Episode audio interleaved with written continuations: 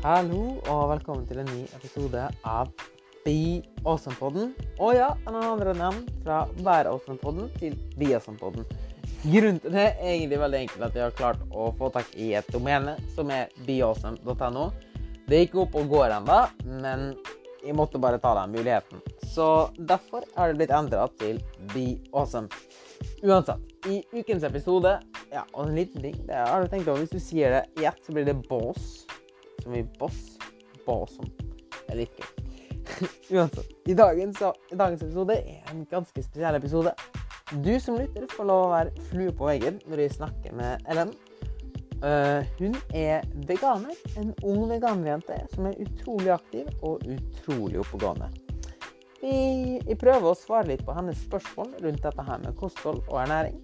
Og håper at du også kanskje får igjen for det. Og hvis du har en veganervenn eller venninne eller noen i familien, eller kanskje sjøl ønsker å være det, eller bare generelt vil vite mer om kosthold og plantebasert kosthold, eller bare om mindset rundt mat generelt, så tror jeg at du vil ha veldig mye igjen av å lytte til denne episoden. Hvis du skulle ha sittet igjen med noen spørsmål etter dette her, eller har noen kommentarer eller feedback generelt, så er det bare å sende mail til moritz.petservice.no, eller bare sende mail på mail, melding på Instagram eller Facebook eller lignende. Og med det så er det kun to ting jeg må si. og det er at jeg setter veldig stor pris på om du kan gi en vurdering på poden og subscribe til den. Og jeg ønsker deg en god lytt.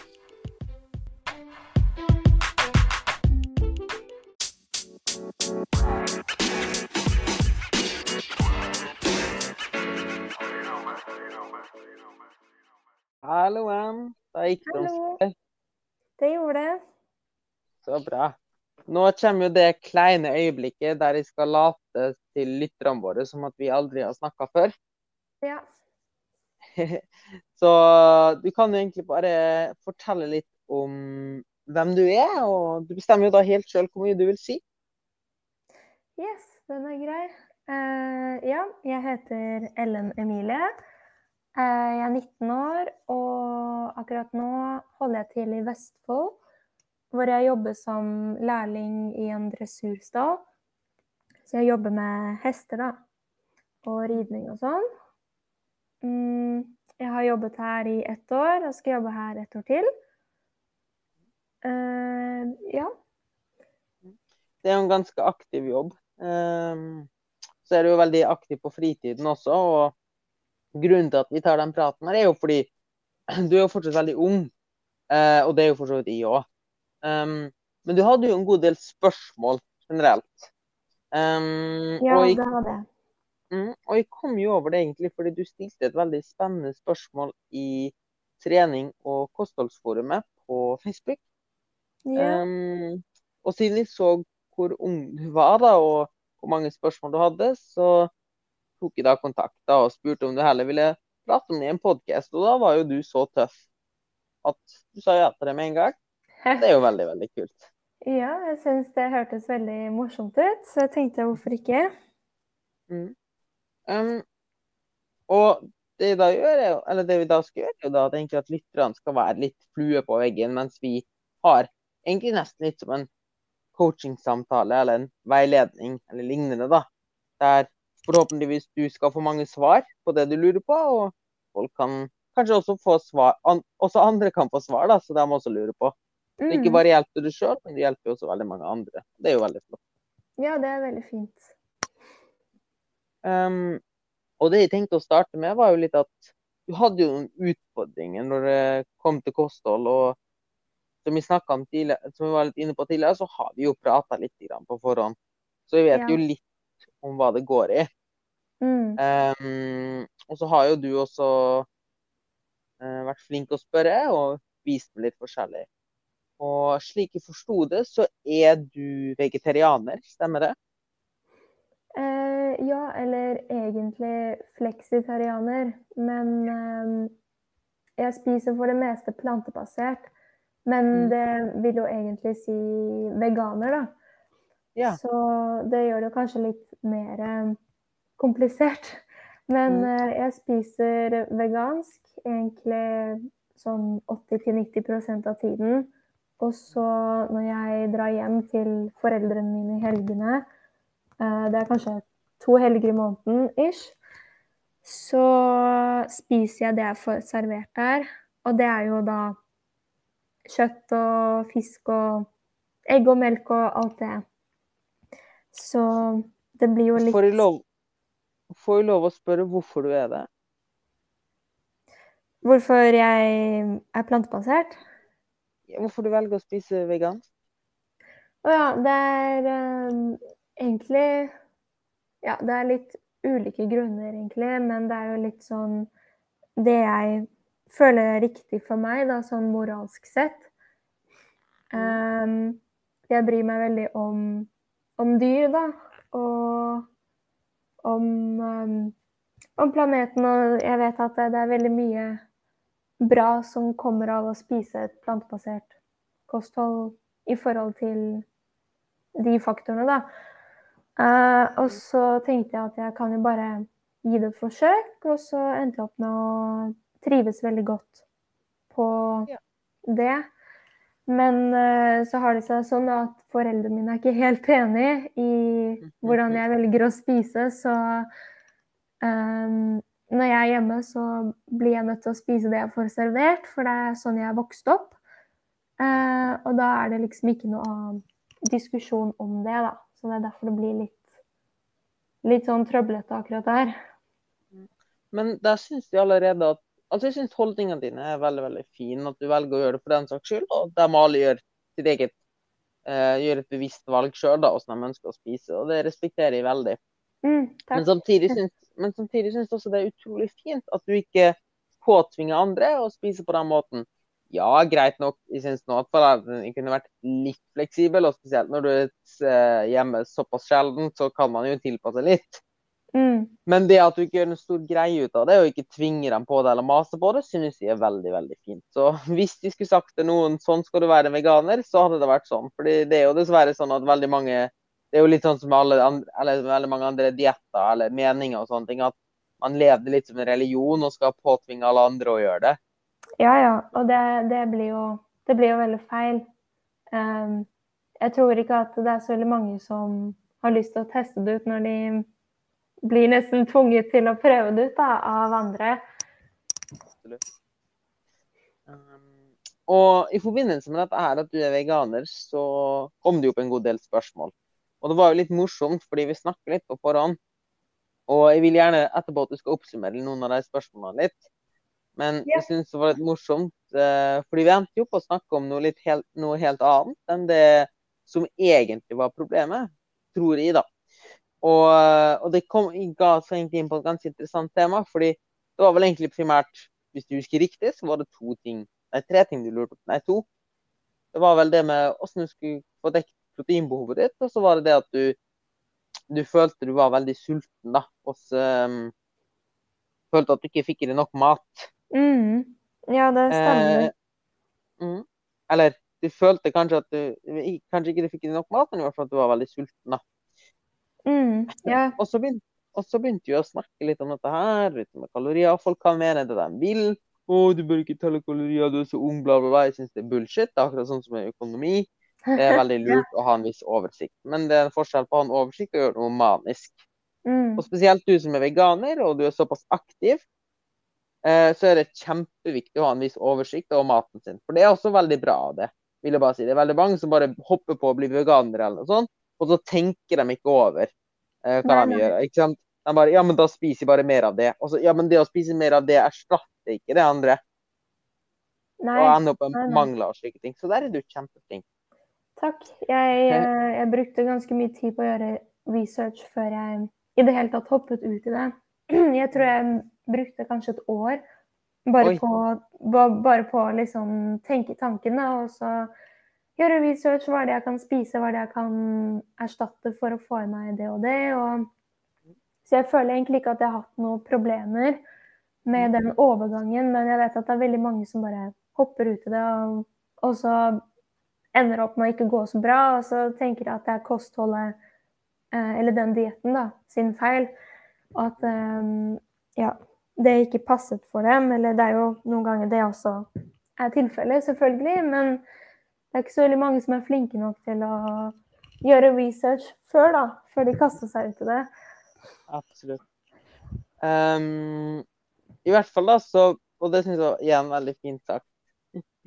Men så gikk det jo egentlig da litt ut på at vi snakka litt rundt dette her, og så nevnte du en bisetning.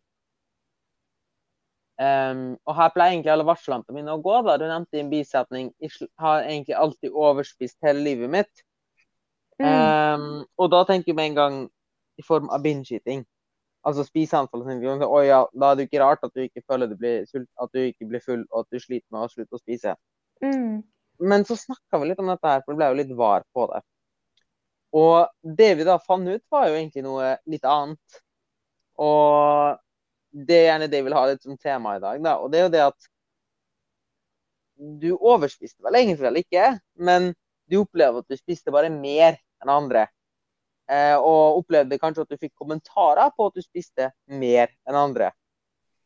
Og har da fått det for det at OK, da er det jeg som har et unormalt forhold til mat, eller jeg spiser for mye. Mm. Stemmer det? Ja, fordi jeg har jo alltid, som du sier, da, um, spist ganske store porsjoner, og så gjerne tatt kanskje to porsjoner istedenfor én.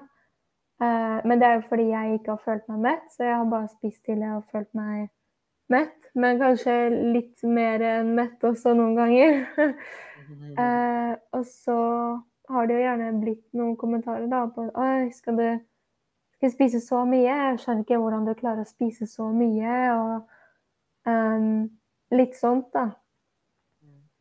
Og det som er litt morsomt, er jo at du er jo veldig slank.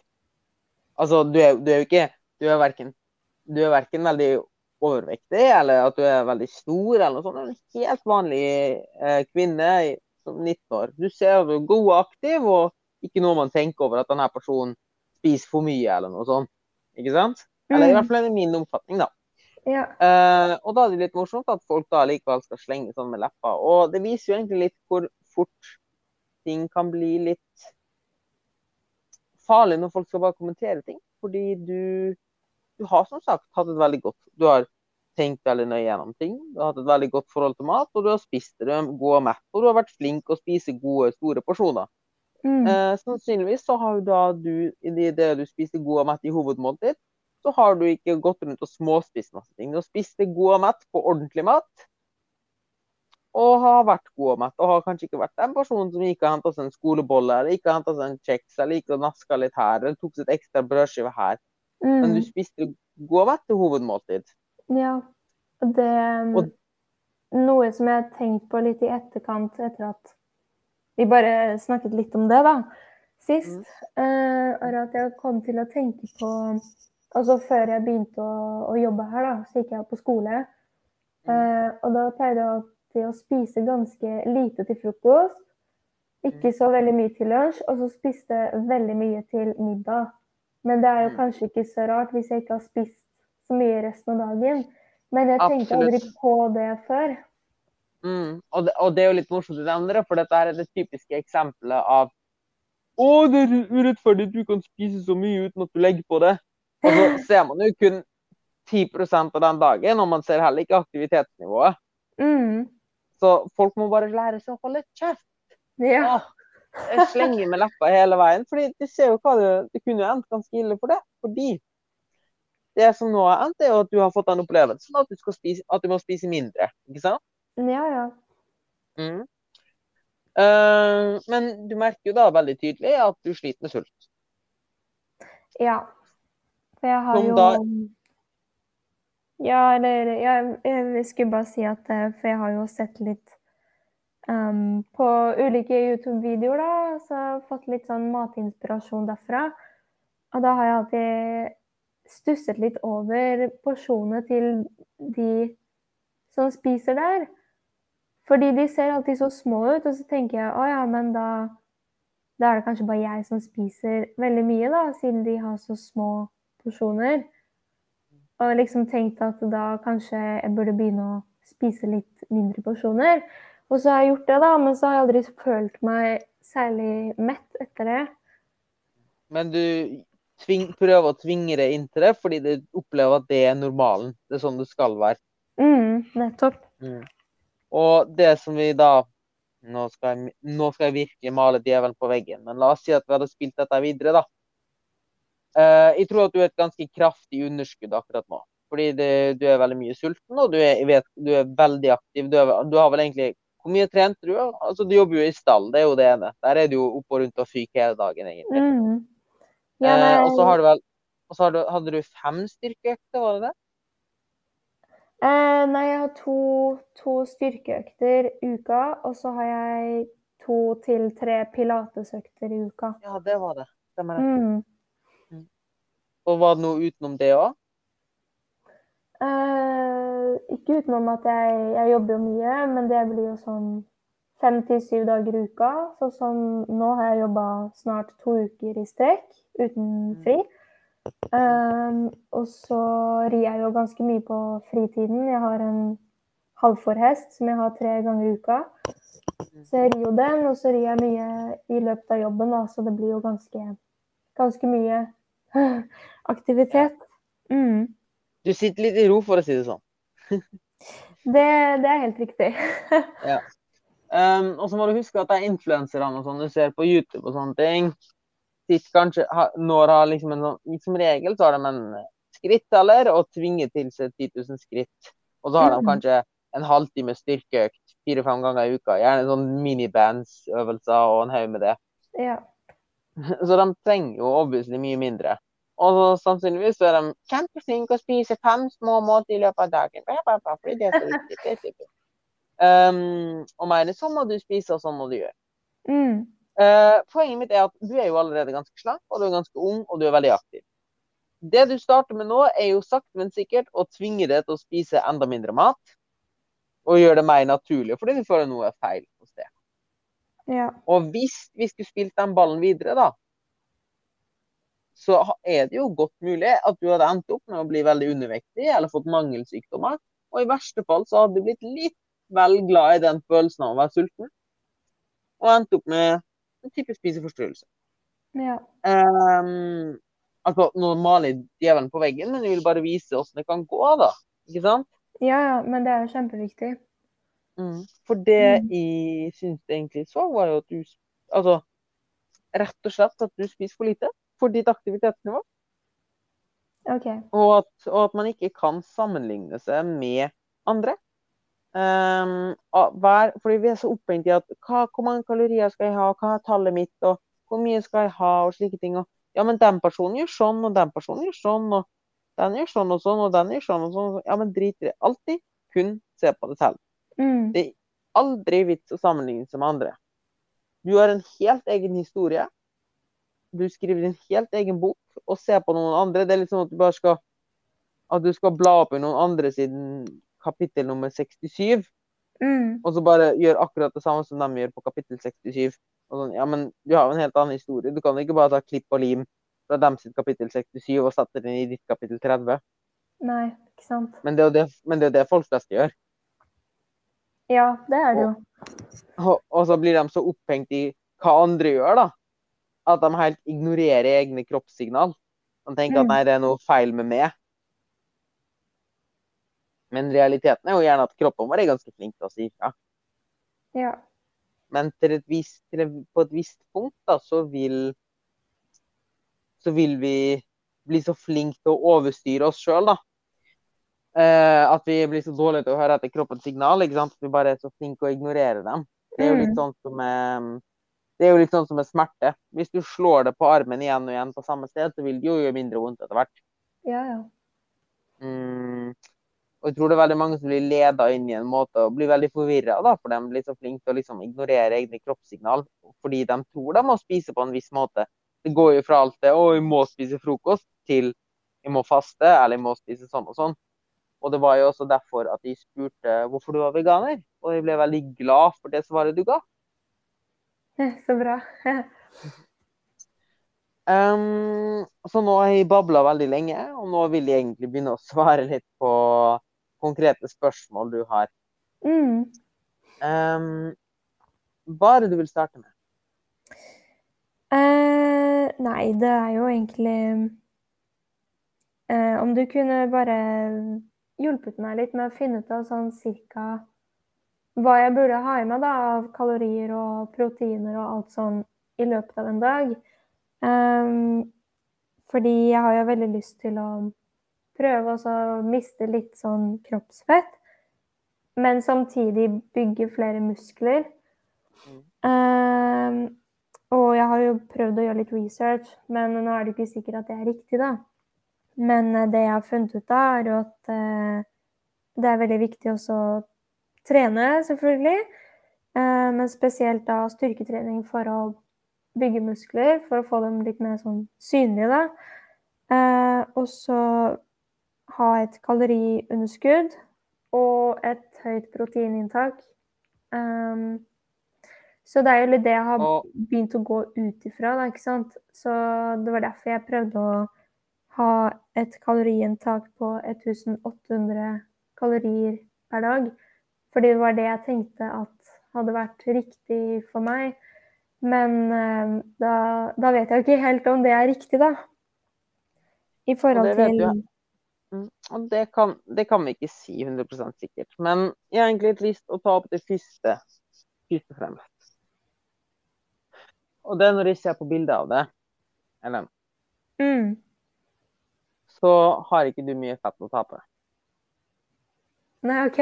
det du ser på som fett, det er helt naturlig kroppsfett. Spesielt kvinner bør ligge i en sunn kroppsfett på 10-20% Og 10% er veldig lavt. 20% er fortsatt sånn Da snakker vi lean, altså. Og du er nok innen disse 10 og 20% det du opplever som fett, er gjerne Nå vet jeg ikke 100 hvordan det er, men gjerne at du kanskje føler det litt dvask da, eller har lyst til å stramme opp, er jo gjerne det man hører veldig ofte. Ja. Mm. Det er mm. hud. OK. Det er hud og helt naturlig underhudsfett. Og alle som ønsker å liksom fikse i kroppen sin eller gjøre noe, spesielt kvinner da, og menn er litt enda verre, de bare tenker 'Å, vi skal bygge muskler', og går på tidenes kalorioverskudd mm. og bulk. Eh, mens hos kvinner er det akkurat det motsatte. Da skal det alltid være kaloriunderskudd. Alltid være kaloriunderskudd. Kaloriunderskudd mister fett, mister fett, mister fett. Jeg ja. tror at du hadde fått en fantastisk fysikk, den fysikken du ønsker, ved å tørre å spise et lite kalorioverskudd. Eller i hvert fall vedlikehold. Fordi du er jo fortsatt ganske nybegynner til styrketrening. Du vil ha mm. god fremgang på vedlikehold, og jeg skal komme litt inn på det. Eh, og bygge muskler. Og gradvis gå over i et overskudd. Fordi det du ser på som fine former, og fin rumpe og fine armer og fint bryst og, og stram mage og slike ting, det får du av å bygge muskler, samtidig som at du har litt fett. Det er det som er fine, det er det som skaper fine kvinnelige former. Mm. En kvinne som har masse muskler, men ikke fett, det, nå skal jeg være litt slem, men det er ikke det folk flest ser på som attraktivt. Um, mm. La oss ta noen eksempler. For eksempel uh, Nå er jeg ikke så god. La oss ta noe sånn skikkelig stereotypisk. Uh, Rihanna. Ja. Synes du hun har fine former? Nå tenker jeg på denne videoen der og står den All the sing ladies, all the sing ladies. Oh, oh, oh, så har hun på en sånn skinndrakt. så jeg vet ikke hvordan det ser ut nå, da. Ja, nei, jeg syns jo, jeg syns jo hun har en fin kropp, ja. mm. Mm. Hun har nok en veldig sunn fettprosent. Mm. Hun har nok veldig god andel muskelmasse. Eller i hvert fall hadde hun det der og da. Um, så jeg tror veldig mange, og det tror jeg er veldig viktig for kvinner å forstå, er at veldig mange kvinner hadde hatt mye mer godt av å faktisk tørre å spise litt mer mat og bygge ordentlige muskler. Okay. Fordi Måten du kommer til å se et vask på, det er ved å bare slanke det mer og mer. Ja, OK. Mm. Mm. Så jeg tror det første vi må uh, starte med, det er å spise på vedlikehold og trene styrke. Og få i seg nok protein. Det som vil skje i starten når du er på et vedlikehold, er faktisk det at Og det er folk misforstår at liksom fett kan bli gjort opp til muskelmasse, for det kan det ikke. Det er to helt forskjellige ting. Mm. Men det som kan skje da, når du spiser på vedlikehold, er at kroppen henter energien den trenger til å, at hjertet ditt skal slå, for at du skal prestere på trening, hormonene skal funke som de skal, etc., etc. Den energien henter han til dels fra maten du spiser, og litt fra fettmasse. Så du går sakte, men sikkert litt ned i fettmasse. Okay. Samtidig, samtidig så vil noe av maten du spiser, som da ikke går med på liksom, kroppens funksjoner, fordi den heter fra fett, vil gå med på å bygge muskler. Så du kan tenke litt på sånn at du mm, du tar litt penger fra sparekontoen, eller at du skal bruke 10 000 kroner per dag, da. Ikke sant? Eller i uka. Og eh, 7000 av de kronene eh, Og så ja, tjener du 10 000 kroner i uka. OK. Ja. 7000 av det du tjener, bruker du på det du bruker. Så da har du 3000 kroner igjen som må bli dekka på en måte. Mm. Dem henter du fra sparekontoen, som er fettmassen din. De 3000 kronene du har igjen nå, fordi du tjener jo så 10 000 kroner, setter du på en annen konto. Ja. Skjønner du hva jeg mener? Ja, jeg tror det. Mm. Så du bryter ned fra en side for å bygge opp på den andre siden. Og på den måten så kan man til en viss grad gjøre om fett til muskler. Det vil funke til på en viss periode. Det vil også komme, også vil komme til et stadie der kroppen sier nei. Du, nå skal ikke du hente mer fra sparekontoen. Nå har du brukt nok. fordi det vil komme et stadie der kroppen sier nå har jeg brukt nok fettmasse. Nå, nå får du ikke lov å bruke meg. Mm. Eller blir veldig tungvint, da. Da vil du stagnere på muskelveksten og styrke fremgangen sakte, men sikkert. Det her snakker vi etter to, om etter to år med strukturert styrketrening. Ved det tidspunktet så kan du gå opp i et lite kalorioverskudd for å fortsette å bygge muskler. Da vil du også sakte, men sikkert legge på det bitte litt fett. For vi klarer ikke å eh, all, gjøre alt om til muskelmasse. Det er utopi. Mm. Og det her veldig mange misforstår. For det her tror de at de skal liksom, å, nå skal jeg bulke, nå skal jeg legge på meg fett, nei, nå skal jeg legge på muskler. Og endre hele kostholdet sitt. For det, nå skal de jo legge på seg, ikke sant? Mm. Proteinshake her, og energidrikk her, og hvit ris her for å få mest mulig kalorier. Og så legger de på seg veldig fort. Men mesteparten av det de legger på seg, er fett. Og så blir de misfornøyd etter én til to måneder. Og så går de på et kaloriunderskudd igjen. ikke sant? Det blir en sånn kjemperask cutbull, cutbull, cutbull, cutbull, cutbull. Mm. Og kroppen vet aldri helt hva den skal forholde seg til. Og problemet her er at når du raskt legger på det fett igjen, så vil du lage nye fettceller. De nye fettcellene forsvinner ikke. Så når du går ned i fettprosent ved et senere tidspunkt, så vil du, ha, vil du bare de fett- fettcellene bli mindre. Men du har flere fettceller på kroppen. Som gjør okay. sannsynligheten for å legge på seg ved et senere tidspunkt større. Så det er rent anekdotisk så kan du se på f.eks. typisk sånn 50-60 år gamle menn da, som trener på treningssenter. Mm. De har jo ganske, de ser jo ganske Du ser jo de har ja, imponerende muskelmasse, ikke sant? Men Ja. har ofte en sånn skikkelig ølmage. mm. Det handler ofte om at de i fortiden har kjørt mange sånne cutbull, cutbull, cutbull. For de har mange, mange fettceller. Men gjerne ikke var fettceller så full. Men de har kjempemange. Og da er det altså mye lettere å legge på seg igjen ved et senere tidspunkt, sannsynligvis. Det vi heller vil gjøre, er at vi vil være i et bitte lite overskudd over lang, lang tid. Kostholdet vårt, basekostholdet vårt, når vi er i et kaloriunderskudd eller overskudd, eller vedlikehold, er veldig likt. Forskjellen er toppingen på kaka. Er du på et kalorioverskudd, f.eks., legger du på kanskje 200-300 kalorier i form av litt sjokolade. Eller et eller annet. Noen nøtter, ikke sant? Noe, da. Ja. Topping, sprinkling on the cake. Uh, la oss si, gjør det så enkelt da, at du spiser helt så å si likt, la oss si 1800 kalorier i løpet av dagen. Ja. Og så har du 200 kalorier da, på vedlikehold da, som du ønsker å bruke på litt kos. Og det er kanskje en proteinbar da, i dette tilfellet. Nå tar jeg ikke hensyn til at du er veganer, nå bare kommer et tilfelle. Ja, Et ja, eksempel. bare se på. um, og når du da tenker ok, nå skal det være et lite overskudd, så er det i stedet for en proteinbar, er det kanskje en ordentlig sjokolade da, Mm.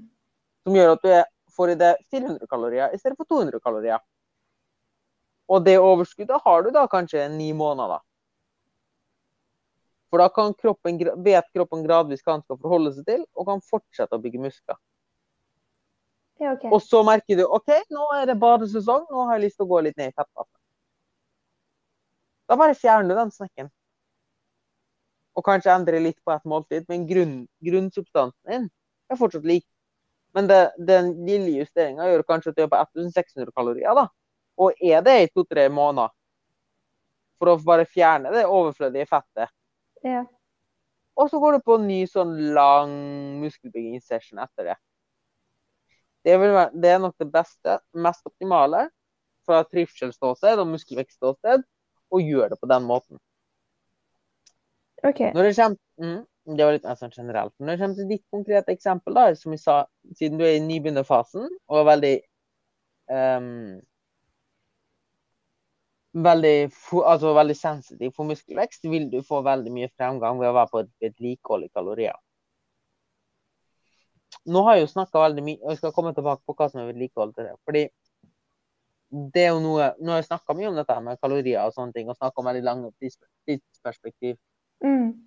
Det som er kjempeviktig å huske, er at sekundet du begynner å endre på kaloriinntaket ditt, vil du endre på kaloriuttaket ditt.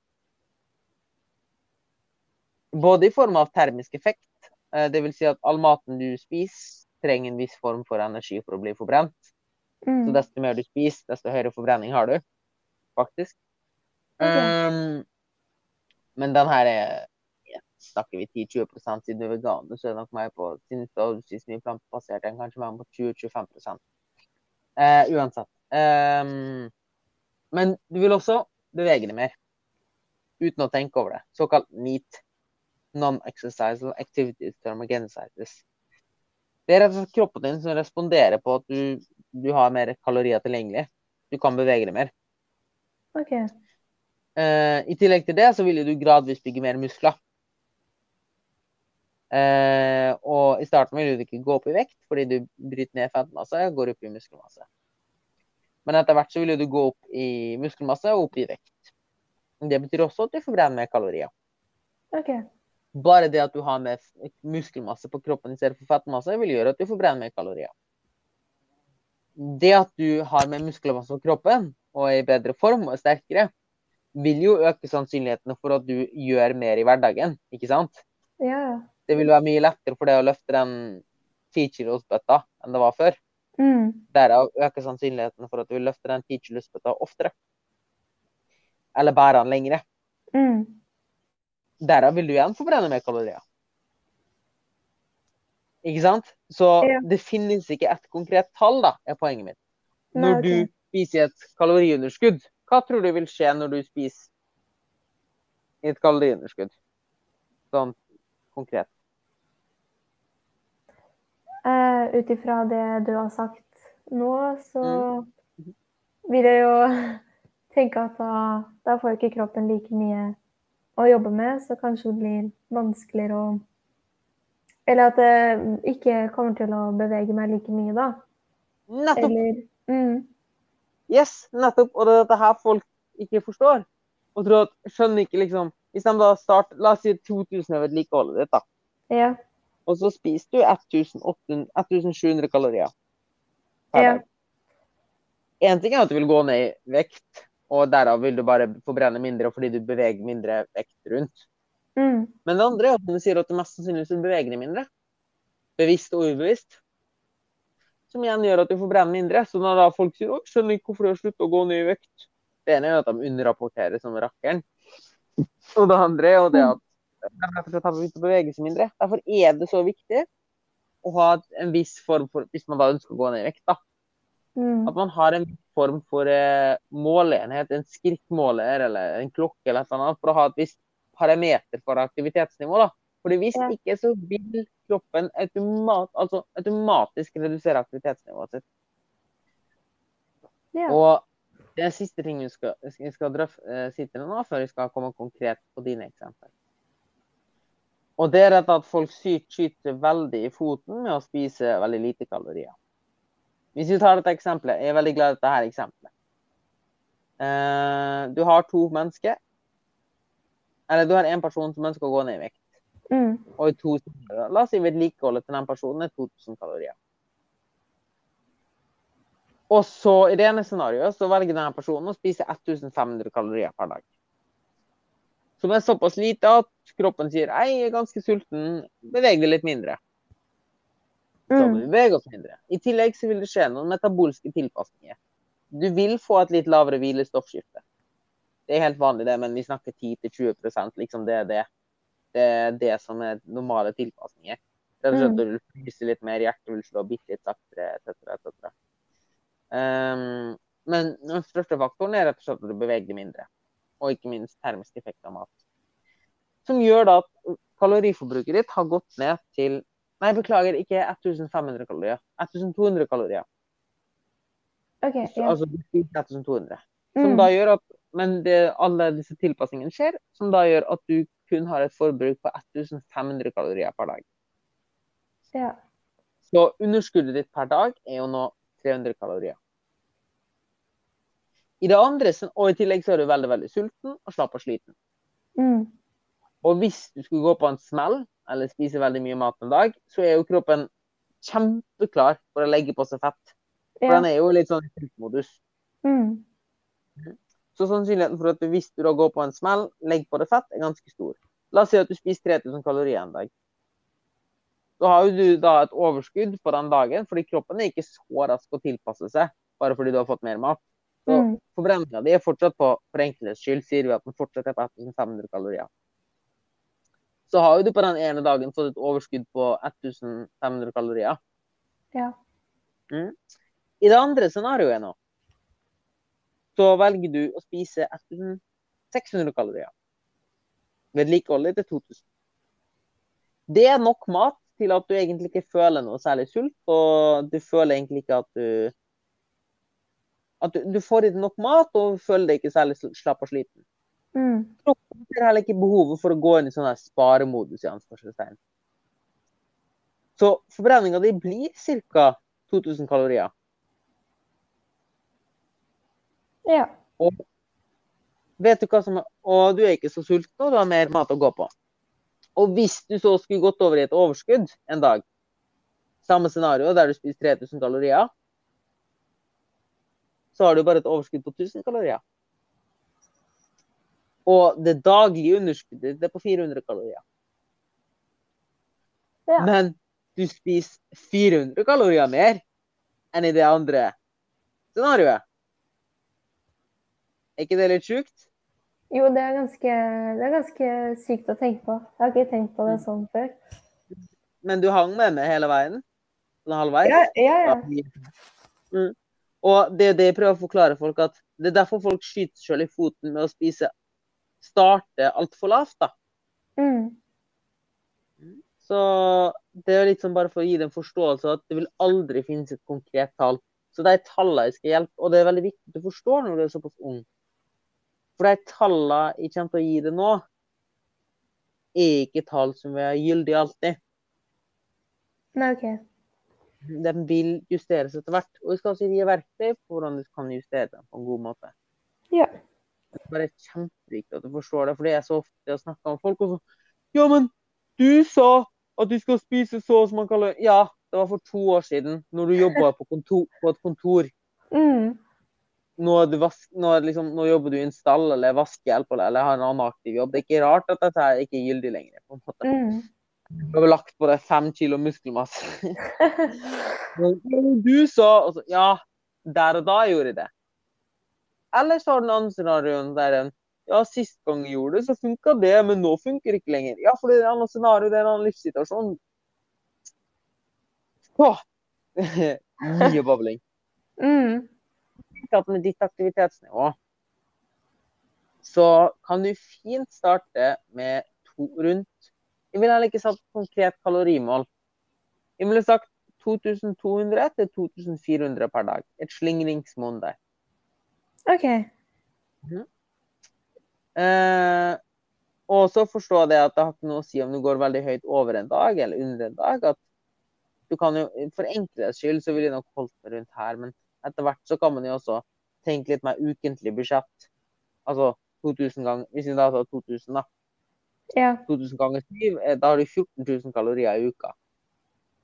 Hvordan du velger å fordele dem, er jo totalt irrelevant.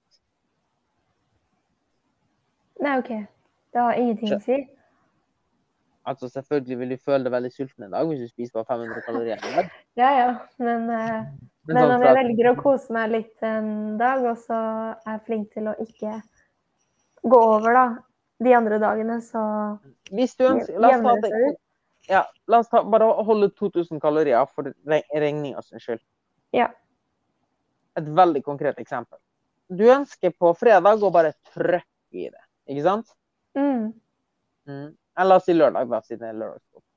Eh, og det er lørdag i dag. Og så da jeg og Jeg er veldig glad i prinsippet spar først, kjøp så. Ikke kjøp og så prøve eh, ta, Ikke ta opp lån. Så det du gjør, det er at OK, lørdag skal jeg kose meg. Fredag, nei, mandag til fredag så spiser jeg 1500 kalorier. Det Ja. betyr da at du har da et, fem, et underskudd på 500 kalorier på fem dager. Det tilsvarer 2500 kalorier som du har på Mm. sparekontoen. På lørdag så har du 2000 kalorier på vedlikehold, pluss de oppsparte 2500 kaloriene. Så på lørdag kan du spise 4500 kalorier uten at det skjer et fnugg. Ja. Men det er en ting som er viktig å huske her. Og det er at det er veldig viktig at du er flink på å få i deg næringsstoffene du trenger de andre dagene. Fordi, og det er den typiske weekend warrior, der man Mm. liksom spiser kjempelite i ukedagene og masse i helga. Fordi hva er det som regel man spiser masse av? Det er jo ikke akkurat tomater og uh, kyllingfilet. Nei, det blir jo godteri og chips og is Nettopp, og litt sånn. Yes, og det er jo veldig lite næring, næring, ikke sant? Mm. Og la oss ta en person da, som spiser veldig lite i løpet av ukedagene, og så fyller på i helgen med masse i sånn typisk cheat day eller noe sånt. Ja. Og så går de ikke ned i vekt, men føler seg slapp og sliten og trøtt. Grunnen til det Men de er jo ikke et kaloriunderskudd, for vekten går jo ikke ned. Nei. Grunnen til det er jo for de får i seg altfor lite næringsstoff i løpet av uka, og fyller opp med tomme kalorier i helga. Mm. Så det har jo en viss ting å si, ikke sant? Ja, ja. Det er veldig viktig at du får i deg næringsstoffene dine. Og det aller viktigste her, det er jo da at protein kan du ikke tenke på, sånn som vi snakka om. Altså at du kan fordele det utover uka. Protein bør du treffe daglig. Ja. Og du som veganer bør i hvert fall sikte mot, og du vil bygge muskler, bør sikte mot to gram per kilo kroppsvekt. Grunnen til det er at biotilgjengeligheten av protein er lav, og kvaliteten på vegansk protein er som regel lavere enn i animalske produkt. Mm. Så du må ha litt sånn å gå på, da. Det handler litt Ja. om aminosyreprofil etc. ikke, du har sikkert lest litt om det, kan jeg tenke meg. Ja, jeg har jo det. Mm. Så du bør sikte mot ca. 2 gram per kilo kroppsvekt. OK. Mm. Um, du bør også sikte mot ca. 20 gram per minst 20 gram i ett og samme måltid for å få en optimal proteinsyntese i det måltidet. OK. Um, det her er ikke så superlangt. Det viktigste er daglig protein. Uh, ikke, det er ikke så viktig på måltidet, men det er greit å ha i bakhodet, da. Ja. Um, når det kommer til kildeprotein, så er det da veldig viktig at du er litt obs på aminosyreprofilen. Altså at du får i deg alle de ni essensielle aminosyrene. Mm. Du har noen veganske kilder, jeg vet ikke om jeg husker alle. uh, men du har selvfølgelig soya. Ja. Mm, og så har du bokhvete. Mm. Det også, har også en fullverdig minusprofil. Husker du noe, om det var noen andre? Jeg tror det var to-tre til. ikke som jeg kommer på sånn right off the bat. Nei, Men, okay. eh, det, men jeg er ganske flink til å spise variert, sånn sett. Mm. Ja, for det er også en annen ting, og det er det at du går an å kombinere forskjellige ting for å få en fullverdig aminosyreprofil. Mm. Og da har du jo eksempel eh, at du kan eh, kombinere linse og belgfrukter. Altså linse, bønner, erter etc. etc. Mm. Med, med kornsorter. Ja. Så for eksempel hvis du lager, Det er jo en grunn til at chili con carne, nei, chili sin carne er så populært. Ja. Fordi det har ris som kornsort, eller ris og mais, og så har du bønner og erter. Mm. Eller kikerter eller linse eller whatever. For da får de det alt av lysin og mella Ja, uansett. Ja, bla, bla. Ja. Jeg skal ikke Jeg husker ikke i hodet. Um, men noe annet du kan tenke på, da, selv om jeg syns det er litt meningsløst, er at du kan ta EAA. Essential amino acids. Altså du har sikkert hørt om BCAA? Altså branch. Eh, nei, faktisk ikke. Ok, Nei, men det er sånn du kan, en, en sånn blanding av aminosyre du kan ta i tillegg. Da BCAA totalt bortkasta og piss. Eh, okay. Men EAA derimot er essential amino acids. Det kan absolutt være fordelaktig å ta som veganer. Og det, det er et type tilskudd. Ja, for å få i seg noe aminosyre. Ja, okay. Men Ellen, det er litt så paradoksalt, fordi det inneholder like mye kalorier som protein, fordi protein har alltid fire kalorier per, 100, nei, per gram. Mm. Om det er én aminosyre eller alle aminosyrene i hipp som haps. Det er dyrt, det metter ikke, og smaker herk. Ja. Men du får fortsatt i det fire kalorier per gram. ja. Så det er sånn, hvorfor ikke bare ta et godt soyaprotein? Eller et annet, eller et hamprotein? Mm. Ikke sant? Det er det jeg også tenker. Altså. Og du jo, har jo ikke noe imot å bruke det. Så i hvert fall at MM Sport har et utrolig godt erteprotein. MM Sport Body Science. Eh, altså MM Sport nettside, altså Body Science er produkter. da. Har et veldig godt erteprotein. En erteproteinblanding som er fullverdig. Den er kjempegod å bruke. Eh, så den vil jeg anbefale deg. Og ellers så syns jeg som sagt at du er veldig flink på, på det. Takk. Eh, jeg fikk jo sønn noen dager. Um, videre så har du noen form for omega-3-tilskudd, eller vitamin D.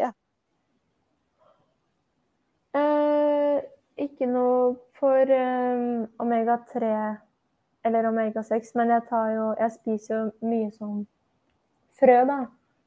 Så Ja, som og- chiafrø, og det er jo ganske rikt på det. Og Nei, det, det er jo det som er en liten Det er dessverre en liten misoppfatning, fordi omega-3 består av fi, egentlig tre fettsyrer, da. mm, Du har, nå husker ikke, jeg husker, jeg husker forkortelsene, men jeg husker ikke navnene. Men du har EPA og DHA, som er to av dem, da. Den tredje er ALA. Ja. ALA er den veganske. Så EPA og DHA er egentlig de fettsyrene du har behov for, da. Og dem bør du få i det 250 milli, minst 250 milligram av per Mm. dag. Og så har du ALA-fettsyren, som er den veganske sorten. Som finner vi i veganske som chiafrø og linfrø og slike ting. ja. Og den kan kroppen gjøre om til DHA og EPA. Okay. Problemet er at omgjøringsprosenten er på ca. 1% Eller 2% eller noe sånt. Så for å få i det 500 mg av DHA og EPA, så må du nesten få i det 5 gram med ALA. Det er okay. veldig, veldig mye. Mm. Det har du ikke det har du verken lyst eller kaloriene til. Nei, okay. Vi snakker vel, nå husker jeg ikke helt i hodet, men jeg tror vi snakker 100 gram linfrolje eller noe sånt. Oi, ja. Så du bør virkelig ta et, all- det eneste veganske produktet som finnes her, med mindre du vil gjøre et unntak og bare ta vanlig omega-3. Ehm, så, det, så bør du gå for omega-3 lagd av alge. og vær kjempenøye på at den daglige dosen er to, minst 250 gram, nei, milligram av EHA og DPA. OK. Mm, Fordi den, det er veldig mange som går på den smellen av veganere. Da, ja, men de får jo med omega-3 og dette her. Sånn, ja, men ikke det du skal ha. Ikke det riktige, på en måte. Mm. Em, noe annet du vil anbefale, er at du sjekker det på B12. Det er et vitamin vi ofte bare får i oss gjennom um, animalske produkt. Ja. Og generelt bare ville tatt Ja, bra. Bare Mm. tatt generelt en tur til legen. Tatt noen blodprøver. Mm. Better safe than sorry. Ja, ja, det er smart, det. Um, er det noe annet du lurer på? Uh, skal vi se mm.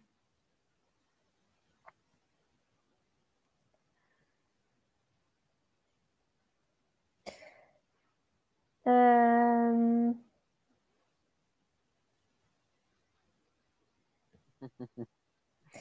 ja, det er nesten Det er liksom så mye Jeg har fått så mye informasjon nå. Man bare tenker gjennom Jeg alt, egentlig. Mm. Ja, jeg skravler jo som et fossefall. Jeg tror det viktigste du skal ta med deg uansett, for alt dette er litt sånn flisespikkeri og nerding, og sannsynligvis så vil man kunne leve uten det òg. Mm. Men jeg pleier å sammenligne litt som at ja, det går også greit å sykle med en rusten sykkel, Ja. men gud så mye deiligere det å sykle med en sykkel som har godt smurt skjede. Mm. Og er det litt med kosthold også, da. At liksom alle sier sånn Ja, men det går jo fint. Du klarer meg jo fint. Jeg blir så sur når folk ikke tar vitamin D og omega-3, for eksempel. Mm. For det er så enkelt. Um, og det bringer meg forresten inn på en ting til. Jeg skal ta det straks. Altså, eller folk som ikke spiser nok frukt og grønt eller nok protein og sånne ting. Ja, men det går jo fint. Sånn, ja. Men har du prøvd å sykle med en sykkel med smurt skjede? Sånn, Ja. plutselig, Ja. de har blitt vant til hvor De har egentlig blitt vant til hvordan det føles å sykle med en sykkel med rusten skjede, da. Og da tror Mm. de at det er sånn det skal være. ja. Og så får du sykla på en ordentlig sykkel og sånn Å ja, det er sånn det er å leve. Ting blir Mm. veldig mye diggere, med andre ord. Mm. Um, så det er derfor jeg liksom er litt på det at jeg tror du vil ha veldig godt av det, da. Og det, før jeg skal si det siste jeg skulle si Herregud, så mye tråd det blir nå. um, det er at tar du kreatin, Eh, nei, det gjør jeg ikke. det vil jeg, spesielt du som veganer vil ha så enormt mye effekt, sannsynligvis, av kreatin. Hva er det Kan du egentlig forklare hva, hva det kreatin er for noe? Mm, nå, skal prøve, nå skal jeg prøve å si det supersimpelt. Mm. kroppen din, all energien kroppen din bruker for at musklene skal trekke sammen, for at hjernecellene dine skal kunne sende signal og sånn, er avhengig av noe som heter ATP. Adenosin trifosfat. Okay. For at en slik reaksjon skal gå, så spaltes adenosin trifosfat til adenosin difosfat. Du kan tenke litt på at ene fosfatet, fordi tri betyr tre, og de betyr to. Mm. At det ene fosfatet på en måte bare sparkes vekk. Litt som at du skal sparke ifra. Så, jo, hvis du sparker fra i vannet, så vil du gli fremover. Ja. Sånn er det med disse her også. Så du må sparke ifra for at en reaksjon i kroppen skal skje. Ja. Når, det har blitt, når ATP har blitt til ADP, så er dette batteriet utlada. Så ADP må bli gjort om til ATP igjen før det kan bli brukt. OK. Mm. Dette her bruker kroppen kreatinfosfat til. Og kroppen har naturlige lager av kreatin i kroppen. Mm. Så batteriene av DP går til ladestasjonene og blir fylt opp igjen til å bli ATP. Mm. Og så er det et begrensa antall ladestasjoner, gitt kostholdet og sånne ting. Og kjøtt er en av de største kildene vi har til kreatin. Ja. Problemet er da at vi har ganske mange ladestasjoner her som ikke er i bruk. Så det vil alltid være veldig mange ADP som venter på å bli lada opp. Mm. Som gjør at vi har litt mindre ATP tilgjengelig. Når vi da tar kreatin, så vil vi få flere, mer kreatin i kroppen. Flere ladestasjoner. Som gjør at vi kan lade opp flere ADP til ATP igjen. Som igjen gjør at vi alltid kan gjøre litt mer. Vi snakker 1-2% Men det gjør at på hver treningsøkt kan du gi 1-2 mer. Alt du gjør i hverdagen, kan du gjøre 1-2% mer effektivt. Til og med hjernen din fungerer sannsynligvis 1-2 bedre. Hmm. Og hvis du kan tenke litt på det, da mm, Dette er veldig anekdot, eller veldig sånn billig forklart, da. Men la oss si at du har en motor som dreier rundt. Ja. Og så alltid for hver hundrede omdreining, så slår motoren borti et eller annet. Mm. Det vil jo på sikt føre til slitasje, ikke sant? Ja. Sånn er det litt med ATP også, da. Det vil føre til slitasje i kroppen som gjør at vi får vondt at vi får eh, skader, at vi får Alzheimers, alle sånne ting. Sant? Det er jo bare små feil som skjer. Når vi tar, når vi tar kreatin, så skjer ting har litt mer kreatin i kroppen, som er et helt naturlig ting vi har i kroppen. Vi har bare ikke fulle lagre. Så vil ting skje hakket smoothere. Så i stedet for at den motoren klunker borti noe hver hundrede omdreining, skjer det kanskje kun hver 110. omdreining. Mm. I løpet av et liv så blir det ganske mye. Er du med meg? Ja. Så det gjør at kreatin har også vist å ha veldig gode Sannsynligvis det der, har også veldig gode effekter mot um, Alzheimer Eller ikke veldig, men har effekt mot Alzheimers, skader, slitasjer etc. etc. OK. Og det har ingen bivirkninger. Eller det har én bivirkning, og det er at du går litt opp i vekt. Men dette her er ikke fett eller noe sånt. Dette her er rett og slett ladestasjonene. Mm. Du har litt mer vann inni muskulaturen, for alle disse ladestasjonene må ha en liten vanntank. Hvis si det på den måten. Mm. Så når du har mer ladestasjoner, har du litt mer vann i kroppen.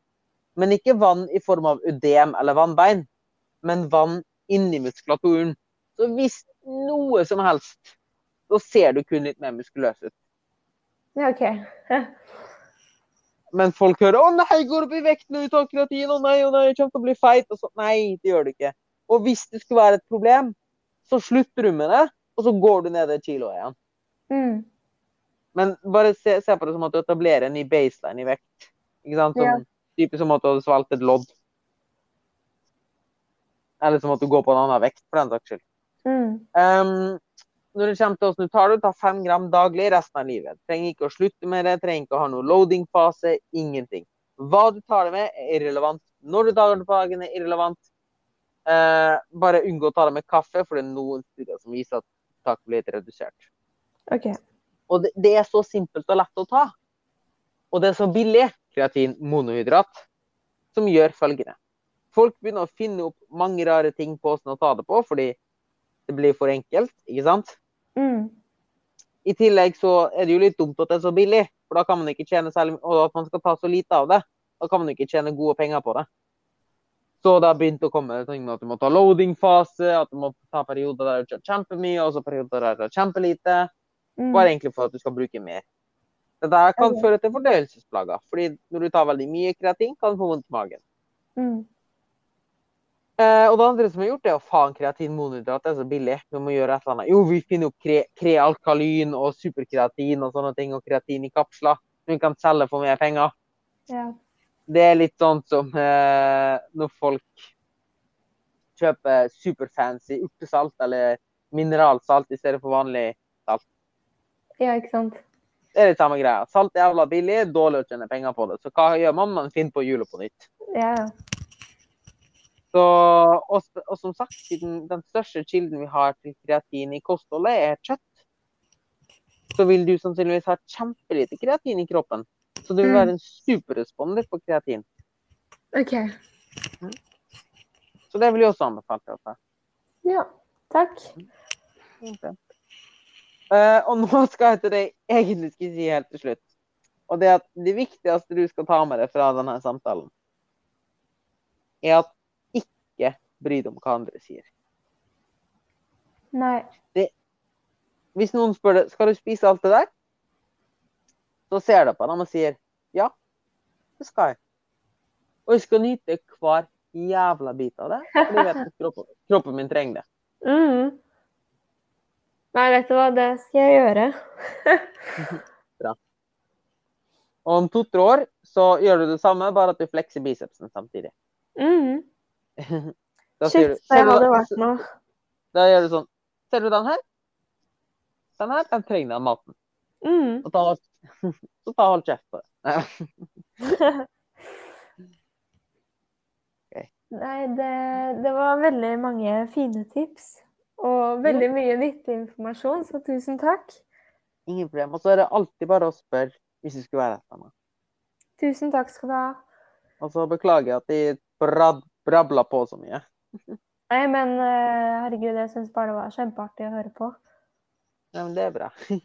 Så håper jeg at noen der ute fikk noe igjen for det også. Og så vil jeg bare igjen si at det var utrolig kult av deg og tøft av deg å stille opp. Tusen takk. Det var veldig, veldig kult at du spurte.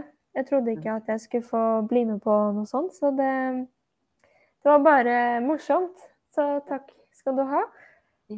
Og for, hvis du holder på nå et år, og hvis du har noen spørsmål underveis, liksom generelt, så tror jeg både jeg og alle lytterne ville hatt hadde vært supermorsomt å få de innom om et år eller to og høre om resultatene dine, åssen det har gått. Mm. Og hvem vet, kanskje det blir nummer to en gang. Det har vært gøy. Det. det hadde vært gøy. Vi får se, da.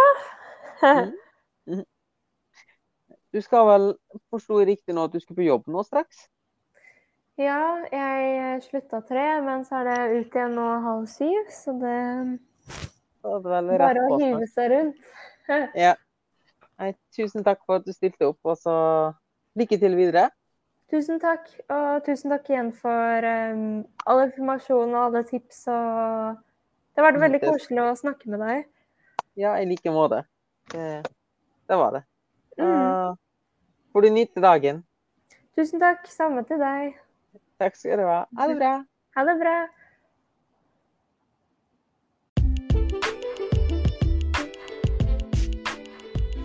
Tusen takk til at du lytter til denne episoden av Be Awesome-podden. Jeg håper at du fikk noe igjen for det, at du fikk noen tankevekkere og noe å tenke på. Tankevekkere og noe å tenke på. At du fikk noe å tygge på. Eh, hvis du skulle sitte igjen med spørsmål, eller hvis du likte måten vi snakka med eller på, og du tenker at dette kunne vært noe for det, så er det bare å ta kontakt på moritz.pcrus.no for å avtale en helt gratis veiledningssamtale. Eh, eller bare for å få litt mer informasjon om mine coachingtjenester. Hvis du kunne forestilt deg å være med i podden på samme måte som Elene var, med å få din egen coachingsamtale og litt publicity der du kan fortelle din historie og få svar på dine spørsmål, så er det bare å ta kontakt. Og så skal du få en episode, du òg. Og jeg syns det er utrolig kjekt. Så det hadde vært kjempemorsomt. Eller kanskje du kan tipse en venn eller noen om det. Som kunne tenkt seg å være med i en episode. Eller hvis du har forslag til noen, så kan du sende meg det, og så kan du ta kontakt med dem. Uansett så håper jeg at du fikk noe igjen fra episoden, og jeg vil bare igjen minne på at jeg setter veldig stor pris på om du kan dele den. Eller gi i hvert fall en vurdering på Spotify opp med stjernene. Og gi fem stjerner. Nei da, gi det du tror du skal gi det. Ha det. Og med det er det kun én siste ting som står igjen, og det er å si gå og ha en awesome uke. Tullu!